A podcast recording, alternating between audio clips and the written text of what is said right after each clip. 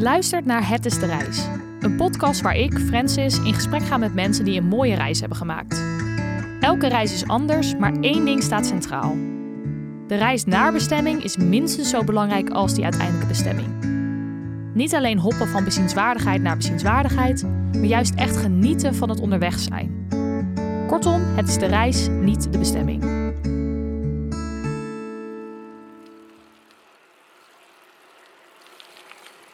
In deze aflevering spreek ik met Lennart.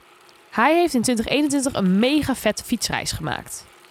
Ik heb die toenertijd op Instagram gevolgd en daarom vind ik het ook mega leuk dat hij in de podcast over zijn reis wil komen vertellen. Ik ben vanaf mijn voortuin in Amsterdam naar China gefietst. Uh, eerst Europa door, dan Turkije door. Toen via Georgië Centraal-Azië ingefietst en in zo'n zes maanden lang tot de grens van China gekomen. Lennart is dus van zijn tuin in Amsterdam helemaal naar China gefietst. Ik ben zelf niet zo'n fietsfanaat, dus ik kan me dit bijna niet voorstellen. Ik ben dan ook mega benieuwd hoe hij op het idee kwam om dit te gaan doen.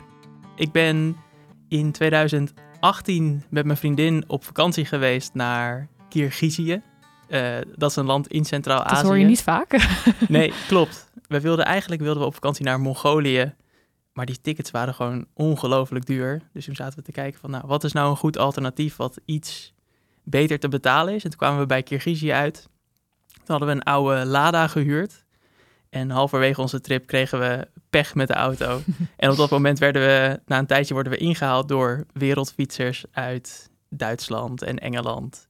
En daar raakten we een beetje mee in de praat. En toen is dat idee is altijd in mijn gedachten blijven hangen. Een beetje als een soort van stemmetje in je hoofd, uh, nooit meer weggegaan. Ja. En toen dacht ik, als ik het nog ooit een keer zou willen doen, om ook door dit mooie gebied te fietsen, dan is dat voordat ik ga samenwonen met mijn vriendin. Um, dus toen uiteindelijk besloten om het avontuur aan te gaan en ook een fiets te kopen en spullen in te slaan en uh, het maar gewoon te proberen. En je was dus geen fietser, zeg maar, voordat je dit überhaupt bedacht om te gaan doen?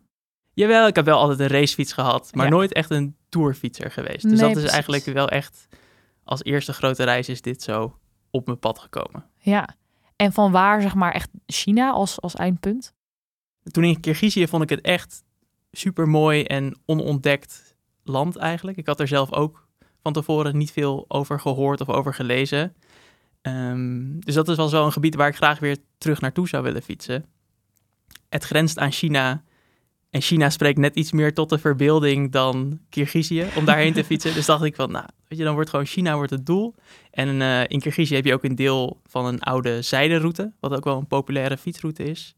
En die komt eigenlijk ook, die eindigt eigenlijk ook bij de grens van China. Dus oh, vandaar ook het doel om naar China te gaan. Ja, ja inderdaad. En uh, je hebt natuurlijk ook geld opgehaald voor diabetesfonds. Maar wanneer kwam dat idee erbij om dat, om dat op die manier te doen? Ik, uh, dat, dat idee kwam eigenlijk best wel snel. Ik heb zelf ook uh, diabetes type 1. Dus vandaar was de, de link al snel gelegd. Van ik wilde er wel iets van een goed doel aan uh, stoppen, wat wel dicht bij mezelf staat. Toen dacht ik van, nou, 1 en 1 is 2. En uh, toen heb ik contact met hen opgenomen. Um, of zij dat tof zouden vinden. En ze vonden het super vet. Dus zodoende heb ik dat goede doel eraan kunnen koppelen. Ja, wat cool. En dus was uh, omdat je dat dus op die manier deed, moest je dus eigenlijk denk ik ook een beetje op, op social media, zeg maar, het, verslaan. Was dat, was dat iets wat je leuk vond om te doen? Ik, ik vond het heel leuk en het was eigenlijk ook wel heel rustgevend. Want normaal als je op vakantie gaat, krijg je altijd appjes van vrienden en familie. Uh, van, oh, kan je wat foto's sturen? Uh, hoe is het daar? Wat ben je aan het doen? Ja. En nu kon iedereen gewoon naar mijn social media account gaan. Oh, of naar mijn Polar Steps heb ik ook bijgehouden. Dan kon je precies op de kaart zo zien hoe ik was gefietst.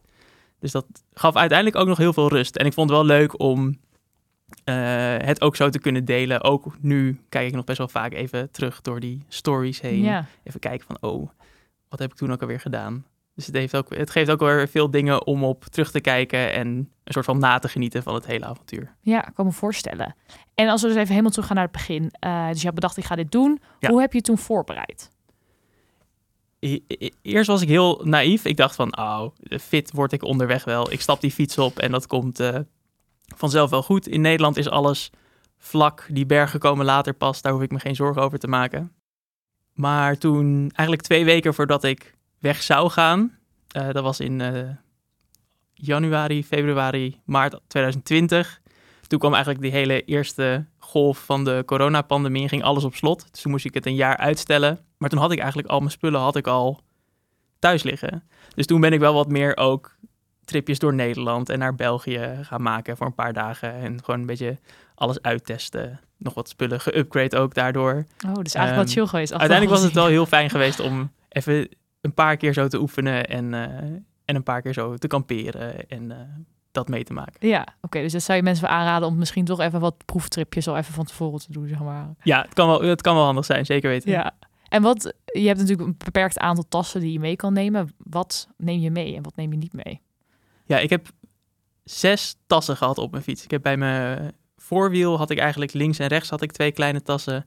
Bij mijn achterwiel ook links en rechts. Eh, en boven die tassen achter had ik nog een dwarsligger.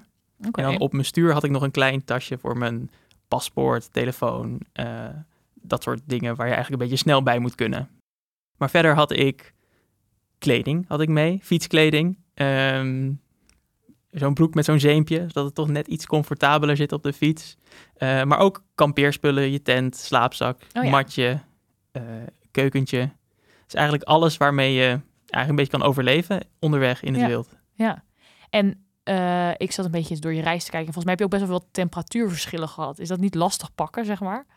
Ja, klopt. Klopt. Ik heb wel het geluk gehad dat mijn vriendin langskwam in Turkije. Oh ja. Dus die had nog wat spulletjes meegenomen en ook weer wat spulletjes mee teruggenomen. Dus dat was super fijn. Maar nee, klopt. Ik heb echt ehm, door regen, door besneeuwde bergtoppen in de Alpen, door de woestijn. Dus het was wel een beetje van alles wat. Ja. Ehm, uiteindelijk had ik ook net iets te veel kleding bij me. Als ik het zeg maar zo ging terugreflecteren, dat ik dacht van nou, het had ook wel iets minder kunnen zijn. En ik had onderweg nog wel wat dingetjes kunnen kopen in plaats van het van huis mee te nemen. Eh, maar gelukkig paste het allemaal in die tassen. Dus ik dacht, En is er nou een item waarvan je denkt, dit moet je echt mee hebben als je op fietsvakantie gaat? eh, een reparatiekitje. Oh ja. Dat is, dat is denk ik wel het belangrijkste. Dat kan je in ieder geval door blijven gaan. Heb je die vaak moeten gebruiken? Ja, dat is dus misschien wel eigenlijk het meest bijzondere van de hele reis. Want ik heb zo'n bijna 8000 kilometer gefietst. Maar ik heb geen één lekke band gehad. Wow, nice. Daar was ik zelf heel erg van onder de indruk. ja. En eh, dus eigenlijk qua pech onderweg viel het heel erg mee. Een paar keer iets moeten vervangen omdat het gewoon versleten was. Bijvoorbeeld de ketting of de derailleur. Ehm, maar qua lekke banden heb ik eh, een engeltje op mijn schouder gehad, denk ik. Wow, wat goed. Dat is wel echt geluk inderdaad. Lekker, ja.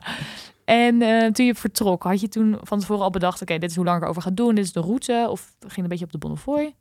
Ik had wel globaal de route in mijn hoofd. Dus ik wist ongeveer hoe ik zou willen gaan.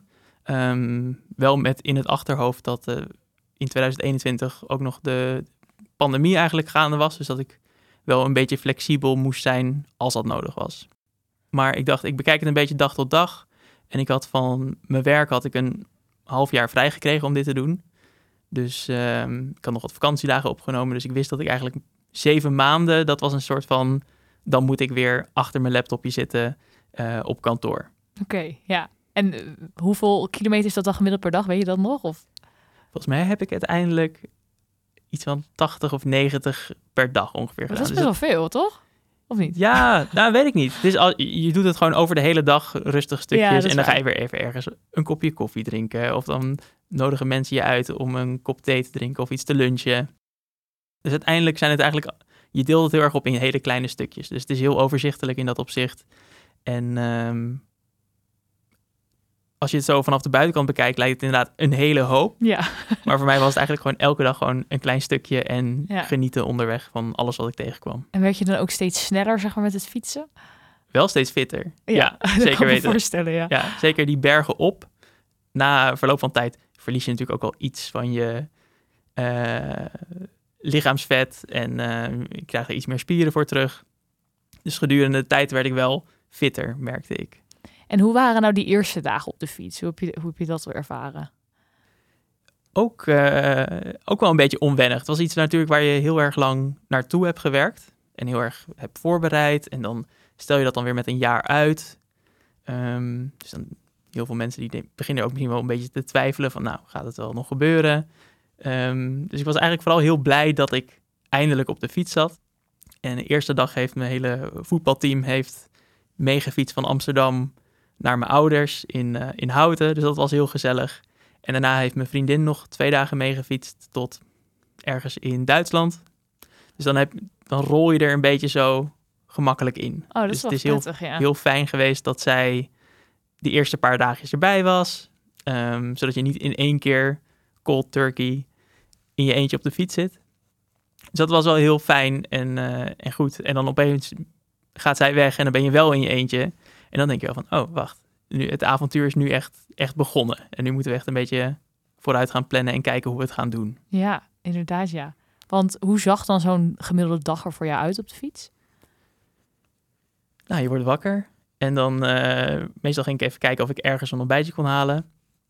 Het hing er een beetje vanaf of ik eh, in mijn tent had geslapen, of dat ik bij mensen thuis mocht slapen, of dat ik een, uh, een klein hotelletje had geboekt. Um, maar vaak keek ik een beetje met de dag waar ik heen zou gaan. Dus ik dacht, ik ga niet te ver vooruit plannen, maar ik leef een beetje dag tot dag. Oh ja. Onderweg kwam ik dan mensen tegen en dan zei ik waar ik heen ging. En dan zeiden ze nou, misschien zou ik een andere route nemen. Dus ik liet me een beetje ook leiden door de adviezen van de mensen die daar dag in dag uit wonen. Dus je zag, in de, je sprak wel echt lokale mensen aan, zeg maar. Dat Ja. was heel makkelijk, die aanspraak. Ja, klopt. Ja, je bent ook best wel een attractie op de fiets. Ja. Hoe verder je komt, zeker. Ehm, dus dat was eigenlijk ook wel heel leuk. Ja. En je komt ook op plekken waar niet zo heel veel toeristen misschien eh, stoppen. Ehm, dus je hebt eigenlijk altijd wel een soort van aanspraak. Omdat je een soort van rare vogel bent die op zijn fiets, eh, een of andere rare Hollander, die dan hier maar een beetje komt rondfietsen. Eh, dus nee, je had wel aanspraak genoeg, dat zeker weten. En mensen vonden het ook echt leuk om je te helpen en met je te kletsen, zeg maar. Ja, ja, ze zijn heel nieuwsgierig naar je verhaal en wat je hier komt doen. Ehm, en ik vond dan ook leuk om een beetje over hen te leren. Ehm, dus vaak eindigde het dan in een uitnodiging bij hun thuis om iets te komen eten of eh, misschien zelfs te mogen overnachten. Oh, kan je niet toch nog een dagje langer blijven? maar eh, nee, iedereen was echt super positief en aardig onderweg. Kun je iemand noemen die je ontmoet hebt met een bijzonder verhaal? Ja, ik was in Turkije. Toen ehm, heeft mijn vriendin dus ook eh meegefietst. Toen hadden we een heel mooi plekje gevonden ehm, aan een mooi meer. En we hadden de tent opgezet en we, hadden, eh, we zaten net lekker een biertje te drinken in de ondergaande zon. En op dat moment komt er over de heuvel, komt er eigenlijk één schaapje de heuvel over. Toen kwam er nog een schaapje de heuvel, heuvel over. En uiteindelijk komen er 300 schapen die heuvel over. Met daarachter een eh, Turkse schaapsherder die, die geen idee heeft wat, wat wij hier aan het doen zijn. Maar volgens mij zaten we op, op zijn land. En hij zei van, eh, wat, wat, eh, wat zijn jullie aan het doen? Een beetje in het gebrekkig Engels-Turks. Dus ik had vaak een telefoon met Google Translate... waar je dan Oh een beetje gesprekken mee kon voeren. En we pro- probeerden aan hem een beetje uit te leggen van... nou, we proberen hier te slapen, is dat oké? Toen zei hij, dat, eh, dat is niet oké, dat, dat, dat mag niet. Dat is, dat is veel te koud. Jullie moeten, jullie moeten gewoon naar, naar mij toe komen. En toen hebben we de hele avond met hem en zijn gezin... en hij had zijn ouders nog uitgenodigd om langs te komen en ons te ontmoeten. En de volgende ochtend hadden we lekker ontbeten. En eh, heel af en toe eh, krijg ik een, een WhatsApp-gesprek, krijg ik een videogesprek. Maar hij spreekt natuurlijk helemaal geen Engels. En ik spreek één woordje Turks.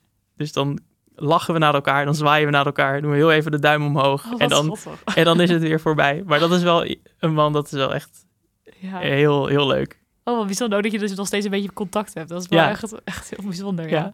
Wat goed. En kwam je ook eh, onderweg veel andere fietsers tegen?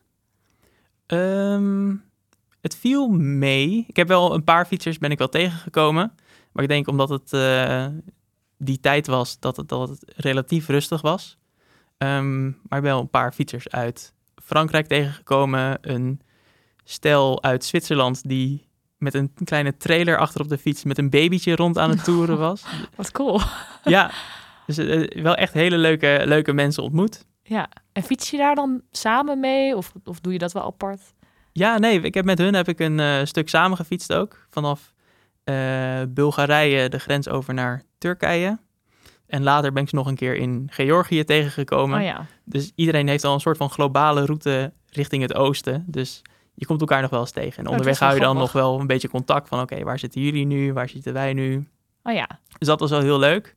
En er was nog één jonge, eh, Richard. Die ehm, had ik eigenlijk al in Nederland een beetje leren kennen. Dus ik had volgens mij een keer iets op mijn LinkedIn gezet dat ik eh, wilde gaan fietsen. Toen had hij mij een berichtje gestuurd van, ik ben het ook van plan, laten we contact houden onderweg. En hij was toevalligerwijs één dag na mij vertrokken uit Rotterdam. En met hem heb ik uiteindelijk ehm, een heel klein deel in Europa nog samen gefietst. Een klein stukje in Duitsland en Oostenrijk. En we kwamen elkaar weer tegen in Georgië. En toen besloten we eigenlijk, we vinden elkaar eigenlijk super aardig en eh, gezellig. Laten we gewoon samen doorpakken en eh, de rest gewoon samen doen. Nice, wat leuk. Ja. En vond je dat dan ook fijn om dan toch wat meer ja, gezelschap te hebben tijdens het fietsen? Ja, zeker weten. Zeker weten. Het was, je hebt gewoon veel meer. ehm, tuurlijk, je komt heel veel mensen tegen onderweg. Maar je hebt ook heel veel momenten dat je gewoon in je eentje op de fiets zit. Ja. En dan is het gewoon leuk om, al is het maar een klein stom grapje met elkaar. Of ergens over te geinen over wat je net hebt meegemaakt. Het is gewoon leuk om daar iemand over te hebben met wie je het kan delen. Gewoon Ja. op het moment zelf. Ja, dat kan me voorstellen. Maar eh, dus je hebt een, een paar momenten wel echt met mensen gereden, maar er zijn ook wel echt weken geweest dat je dus alleen reed de hele dag. Ja, ook wel. Ja, zeker in Europa. Dus in Turkije was mijn vriendin er dan bij. Ja. En vanaf het laatste deel was dan... Die Richard was dan mee. Eh, een groot deel van Europa heb ik in- inderdaad wel in mijn eentje gedaan. En hoe was dat, zeg maar? Hoe heb je dat ervaren? Je bent best wel alleen met je gedachten, eh, kan ik me voorstellen. Ja, ik, ik vond het in het begin vooral heel lastig om in mijn eentje ergens in een- bij een restaurant te gaan zitten eten. Nou ja, Eh, ik vond het gewoon heel ongemakkelijk. ja. Dat ik denk van, nou, zit je daar in je eentje, een beetje op je telefoon en eh, je belt al keer naar huis. Ehm, maar uiteindelijk leer je ook, heb, je hebt toch altijd wel een soort van aanspraak. Zeg maar, als je in je eentje bent, dan sta je ook veel meer open voor wat er om je heen gebeurt. En eh, dan komt dat sociale komt vanzelf wel. Dus dat kwam, uiteindelijk kwam het altijd wel heel erg goed. En het is dan misschien niet dat ik met mensen samen heb gefietst eh, in die tijd in Europa, maar wel dat je mensen inderdaad onderweg tegenkomt die je even stoppen, die even vragen hoe het met je gaat en eh, of je niet honger of dorst hebt. En dan heb je alsnog wel best wel veel aanspraak en Ja. contact daarin. Wat leuk. En als we even kijken echt naar dus de ja, landen waar je bent geweest. Mhm. Ik denk misschien leuk om even een beetje in te gaan op Oezbekistan en Tajikistan. Of wel? Ja, ja. ja. Eh, ja, hoe is het om daar te fietsen? Ik denk dat heel veel mensen überhaupt niet eens een voorstelling hebben van hoe die landen er echt uitzien. Maar ja, hoe was dat voor jou? Eh, desolaat. Ja, je hebt hele grote afgelegen stukken. Eh, het zijn twee compleet verschillende landen. Dus in eh Oezbekistan heb ik een heel groot deel door de woestijn moeten fietsen. oké. Ehm, dus dat was vooral, vooral heel warm. Ja, Ik denk dat het echt eh 5, 46 graden daar was overdag. Dus, maar op zich, dan is het ook wel fijn als er echt helemaal niks om je heen is, om dan wel iemand te hebben naast je op de fiets, waar je een beetje mee dingen kan bespreken en een beetje mee vooruit kan plannen. Maar ook daar kom je ook weer op de raarste momenten midden in de woestijn een man tegen die dan zijn auto voor je fiets stopt. En die zegt van, nou, je zal wel honger hebben.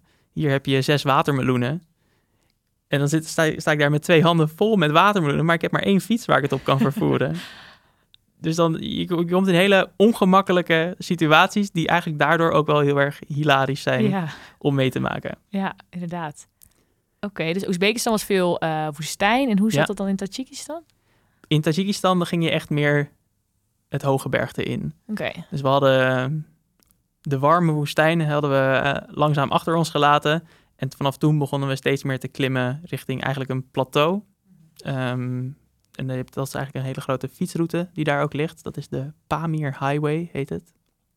En dan zit je echt wel op 4000 plus meter Wow. te fietsen. Dat is Dus dat best is- wel heftig, toch? Qua ademhaling. Ja. En- ja. Ja, ik had zelf gelukkig niet zo heel veel last van de, van de hoogte. Dus dat Ja. was eh, mooi meegenomen. Maar je voelt inderdaad wel, zeker als je zo'n berg opklimt... en het is niet zo'n mooi stukje asfalt als dat er op de A2 ligt. Eh, het is echt wel hobbelen en stuiteren en eh, glibberen en glijden. ja. Ehm, dus het is, dat is wel pittig. Dus in dat opzicht was het heel fijn dat ik al iets fitter was... Ja, in vergelijking me met eerder op de reis. Maar het was super, echt super mooi.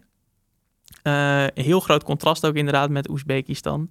Ehm, maar het is gewoon, het is heel leuk en interessant om te zien dat hoe minder mensen hebben, hoe meer ze bereid zijn om te delen met je. Dus eigenlijk hoe warmer de mensen eigenlijk worden onderweg. Dat Oh, was echt ja. een soort van stapje op, eigenlijk hoe verder je van huis bent. Wow, dat is inderdaad wel echt bijzonder. Ja. En Als je nu helemaal teruggaat naar de hele trip, wat, waren, wat was je favoriete land om, om doorheen te fietsen? Ik vond, ik vond Turkije vond ik echt, echt heel leuk. Dat was ook een soort van het eerste land buiten Europa. Ehm, het eerste land met echt een andere cultuur en religie. Ehm, en ik kende eigenlijk Turkije niet zo heel goed, los van de verhalen over de all-inclusives en dat soort dingen. ja. Dus ik was gewoon heel erg positief verrast over hoe vriendelijk iedereen was en hoe behulpzaam. Ehm, ik heb op mijn eh, Google Map heb ik nog een paar locaties waar ik heb mogen slapen, heb ik gepinpoint. Dus mocht ik daar ook nog een keer teruggaan, om dan ook iets voor hen terug te geven Oh, ja, als ik daar nog een keertje langskom. Ja. Eh, maar Turkije was echt super mooi. Tajikistan was ook heel mooi, gewoon omdat het zo ruig en eh, ehm, ook wel verlaten is. En Kirgizië vind ik ook zelf een super mooi land. Het is heel groen, heel veel, ook heel veel bergen. Je kan heel mooi wandelen. Ehm, dus dat is eigenlijk wel mooi om in dat land het laatste land te hebben voordat ik naar China ging. Ja, inderdaad. een soort van waar het begon, daar gaat het ook eindigen. Dus dan was de cirkel mooi rond. Van Ja. het moment waar ik het idee kreeg, tot het moment waar het idee eigenlijk... Ja, wel vet inderdaad. En cool ook inderdaad dat je die landen dan zo, zo goed hebt kunnen zien. Want, Ja. ja, daar, gaat, daar gaan niet veel mensen heen, denk ik. Klopt, Ja. klopt. Ja, en we willen natuurlijk niet te negatief zijn, maar zijn er ook landen waarvan je denkt, dat was minder chill om doorheen te fietsen? Ja, zeker. Ik vond ehm, Kroatië minder gezellig om doorheen te fietsen. Maar dat kan met een hele hoop dingen te maken hebben. Je hebt hele mooie fietsroutes door Kroatië. Maar ik had met een vriend ergens afgesproken. Dus ik moest een beetje doorfietsen. Oh ja. Eh, een jongen die woont in Zagreb. Ehm, dus ik had gewoon een hele saaie route met 400 kilometer, één lange weg met alleen maar Ja. dorpen links en rechts. Eh, en het regende de hele dag. en volgens mij was het toen ook Koningsdag en ik zag allemaal foto's op mijn social media voorbij komen van mensen die in het park stonden.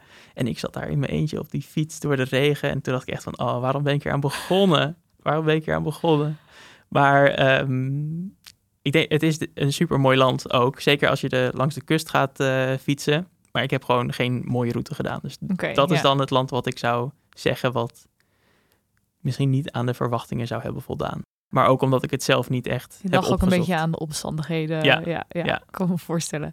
En je hoort vaak dat mensen als ze zo'n lange reis maken ook heel veel overdenking en over dingen gaan nadenken. Heb je echt heel erg een soort van, hoe zeg je dat, epiphanies gehad dat je dacht, oh, ik wil het leven heel anders aanpakken of weet ik veel iets in die richting?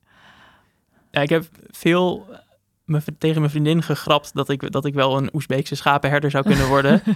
maar nee, het, het verbaasde mij eigenlijk hoe weinig ik nadacht Oh, over, ja. over dingen. Zeg maar, je bent heel erg... Een beetje wat je misschien ook wel met een soort van runners high kan vergelijken. Dat je gewoon een beetje alleen maar een beetje in het moment leeft en niet te veel over dingen nadenkt. Ik ben niet echt een ander mens geworden door het fietsen. Het heeft me een stuk rijker gemaakt in ervaringen en eh, ontmoetingen. Ehm, maar ik denk nog steeds wel dat ik redelijk dezelfde Lennart ben als dat ik daar voorheen was. Dus geen hele grote eye-openers. Maar ik denk misschien de grootste is dat inderdaad hoe minder mensen hebben, hoe meer ze willen delen. Dat is wel iets wat, eh, wat er voor mij echt uitsprong. Ehm, en dat het misschien ook wel zonde is dat het in Europa of in Nederland misschien, dat het allemaal zo individualistisch is. Dat iedereen vooral met zichzelf bezig is. En bijvoorbeeld hoe meer je naar het oosten komt, dat er steeds meer een soort van community en familiecultuur is, waarbij iedereen echt voor elkaar, eh, naar elkaar omkijkt. Ja. ja, dat is wel echt mooi inderdaad. En wat je zegt, misschien ook wel lekker dat je dan eh, zo ja, bijna in die sleur van het fietsen komt, dat je gewoon niet zo ook hoeft na te denken. Dat Ja. je inderdaad dan lekker heel bazaal zeg maar op je, ja, dat lijkt me ook wel, wel fijn juist. Ehm, en wat deed je de hele dag op die fiets? Trappen. En- maar hoe hield, je jezelf bezig? Was je muziek aan het luisteren of deed je iets, zeg maar? Ja, ik denk de fiets is een soort van het perfecte vervoersmiddel om genoeg afleiding te hebben om je heen. Zeg maar, de wereld gaat net snel genoeg onder je door dat je genoeg nieuwe dingen ziet om eh, te ontdekken en naar, naartoe te kijken. Ehm, maar ook podcasts die ik luisterde, muziek die ik luisterde. Ehm, de ene dag is sowieso wat eventvoller dan de andere dag. Dus er zaten ook zeker wel mindere dagen tussen. En eh, dagen waarop ik misschien een beetje ziekig was. Maar met eh, de aanspraak onderweg, ehm, muziek en eh, het uitzicht, dan kom je al eigenlijk een, heel ver. Elke aflevering vraag ik mijn gasten of ze ook een nummer of een album hebben wat voor hun echt symbool staat voor de reis. Ben je nou benieuwd naar de muziek die mijn gasten noemen? Op Spotify kun je zoeken naar de afspeellijst Het is de reis, niet de bestemming, waar ik alle nummers toevoeg en ook wat eigen favorieten inzet. Lennart heeft zeker ook een favoriet. Van een van die Franse jongens, die had ook eh, een boxje mee op de fiets. Dus die had een paar keer van die nummertjes aan. En eentje dacht ik van, oeh, die moet ik even shazammen. Zodat ik die ook in mijn eigen lijst kan zetten. En dat was het nummer dat heet Anikuni van Polo en Pan. Het is een soort van Frans elektrisch techno eh, duo. Maar dat had echt zo'n perfecte maat om op te fietsen. Oh ja. En het was een beetje soort heel heroïsch en euforisch. Dat ik dacht van, oh. Dus elke keer als ik dat op had, en dat zet ik dan heel hard over de speakers, dan voelde ik me echt een soort van onoverwinnelijk. En uh, Kon je zelf soms even oppeppen als je het even ja, nodig had. precies, eh, ja. precies. Oh, wat goed. Wat goed. En je had dus ook je eigen playlist, zeg maar, die je dan vaak luisterde op de fiets. Ja, klopt. Ik had gewoon geprobeerd om er zoveel mogelijk muziek in te knallen. Ja. Want je luistert gewoon heel veel onderweg. Ehm, en eh, ik had hem ook opengemaakt, dus andere mensen konden er ook muziek in zetten. Dus Oh, dan heb je een soort van, van alles wat eh, qua input. Ja, want anders ken je natuurlijk na een paar dagen ken je de hele playlist uit. Ja, nadeel daarvan is dat je ook heel veel doorklikt. Oh ja. Dat je denkt van, oeh, dit is wel echt troep Ja. wat ze erin hebben gestopt. Maar eh, ook wel weer wat leuke verrassingen die ertussen kunnen staan. Ja. Oh, maar, maar goed nummer. Nou, die, eh, ik maak altijd een playlist, dus die komt erin. Ehm, en deze podcast heet natuurlijk Het is de reis, niet de bestemming. Mhm. Ehm, dus ja, waarom vind je het ook belangrijk om wat bewuster om te gaan met de afstand die je aflegt en echt het onderweg zijn? Ja, ik denk dat het. ehm, Even denken, dat vind ik een goede vraag. Ja, de reis is gewoon. Hoe kan je dat zeggen? Op mijn reis was de bestemming uiteindelijk eh, niet heel euforisch. Zeg maar, ik kwam er halverwege de reis wel achter dat China, dat is maar een punt op de landkaart alle mooie dingen die ik heb meegemaakt op mijn reis zijn allemaal tijdens de reis onderweg gebeurd. En toen ik uiteindelijk aankwam bij de grens, dan het enige wat je daar stond op te wachten was een of andere douanier, een of andere grenspost die zei van ja, tot hier en niet verder, keer maar weer om en ga weer naar huis. Ehm, dus het was gewoon een heel erg, de bestemming was voor mij in ieder geval een hele erg anticlimax. Ehm, terwijl de reis zelf heb ik zoveel avonturen en mooie dingen meegemaakt. En vrienden ontmoet. Die Richard, die eh, spreek ik nog steeds.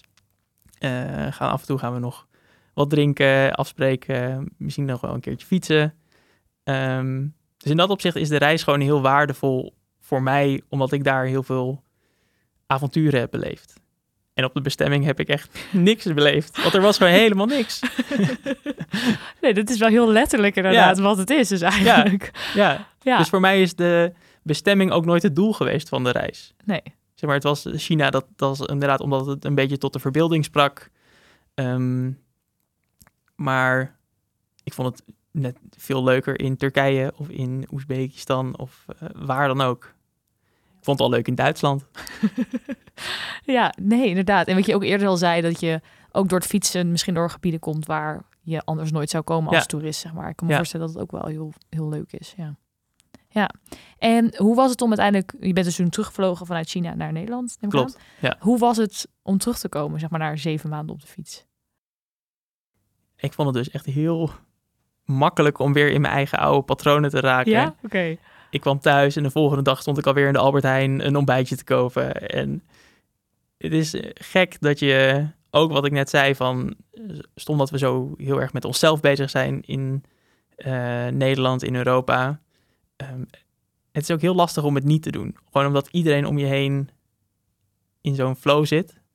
Ehm, dus je raakt ook weer heel erg snel makkelijk terug in je eigen oude patronen die je had daarvoor. Maar ehm, kwamen ook weer een hele hoop nieuwe dingen op mijn pad. Ik ging gelijk samenwonen met mijn vriendin. Dus er waren ook weer een soort van hele nieuwe eikpunten en leuke dingen om naar, naar uit te kijken.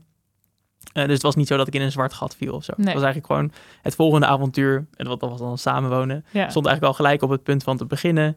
Ehm, en dat is ook heel goed bevallen. Gelukkig, ja, dat is goed. Ja, Oké, dus dat was inderdaad, het was niet zo'n heftige culture shock. Je vond het wel makkelijk om weer, ja, een beetje terug Ja, in- ja. ja, ja, goed. En eh, heb je nu nog fietsplannen of, of staat er niet echt iets op de planning? Ik heb geen fietsplannen. We hebben, ik ben dus onderweg op de fietsreis ben ik eh, verliefd geworden op een autootje. ik weet nog, je had echt van die hele kleine broodbusjes in uh, Oezbekistan. Oké. Dus eigenlijk was mijn doel om, nadat ik in China was aangekomen, om er eentje te kopen en terug te rijden met mijn fiets achterin. maar heel veel landen zaten nog op slot, de grenzen waren dicht. Um, dus uiteindelijk ben ik teruggevlogen. Maar we hebben nu, uh, onlangs hebben we er eentje gekocht in Japan. Wauw. En die staat nu op dit moment uh, op een vrachtschip. En die wordt naar Nederland uh, geïmporteerd. Oh, wat cool. Dus in het najaar gaan wij klussen met z'n tweetjes om hem om te bouwen tot een klein camperbusje. Okay. En dan hopelijk volgend jaar binnen Europa een beetje, een beetje rond te toeren. Oh, wat cool zeg. En is dit dan dus echt uniek voor Azië? Deze, dit vind je in Europa niet, deze busjes? Nee, je hebt er een paar volgens mij in Nederland die wel op de weg staan. Um, maar nauwelijks. nauwelijks. Okay. En hoe heet het? Het is een Honda Acti Street Fan. Aha, nice. En dan ga je dus echt zelf, zoals je wat je altijd op TikTok ziet, die fan... Ja, hij wordt waarschijnlijk wel iets minder hip ja, en ja. cool. iets meer rauwiger. Maar ja. uh, nee, ik denk niet dat het... Het, wordt, het is gewoon heel klein. Dus je kan er net met z'n tweeën net in, in slapen. En uh, het- we gaan meer voor iets kneuterigs dan iets wat helemaal strak gedesigned is. Oh, cool man. Ja. Ja, Nou, dan moeten jullie maar loskomen als jullie eh, een reis hebben gemaakt. ja, is goed. Is goed, leuk. Dit was Het is de Reis. Benieuwd naar wat foto's van de reis van Lennart? Check dan de Het is de Reis Instagram pagina. Mocht je nou luisteren en denken: hey, ik heb ook een vette reis gemaakt waarbij het onderweg zijn minstens zo belangrijk was als de bestemming. Of heb jij gereisd met een voertuig die nog niet voorbij is gekomen in de podcast? Stuur me dan een berichtje op Instagram en wie weet zit jij hier binnenkort ook wel in de studio.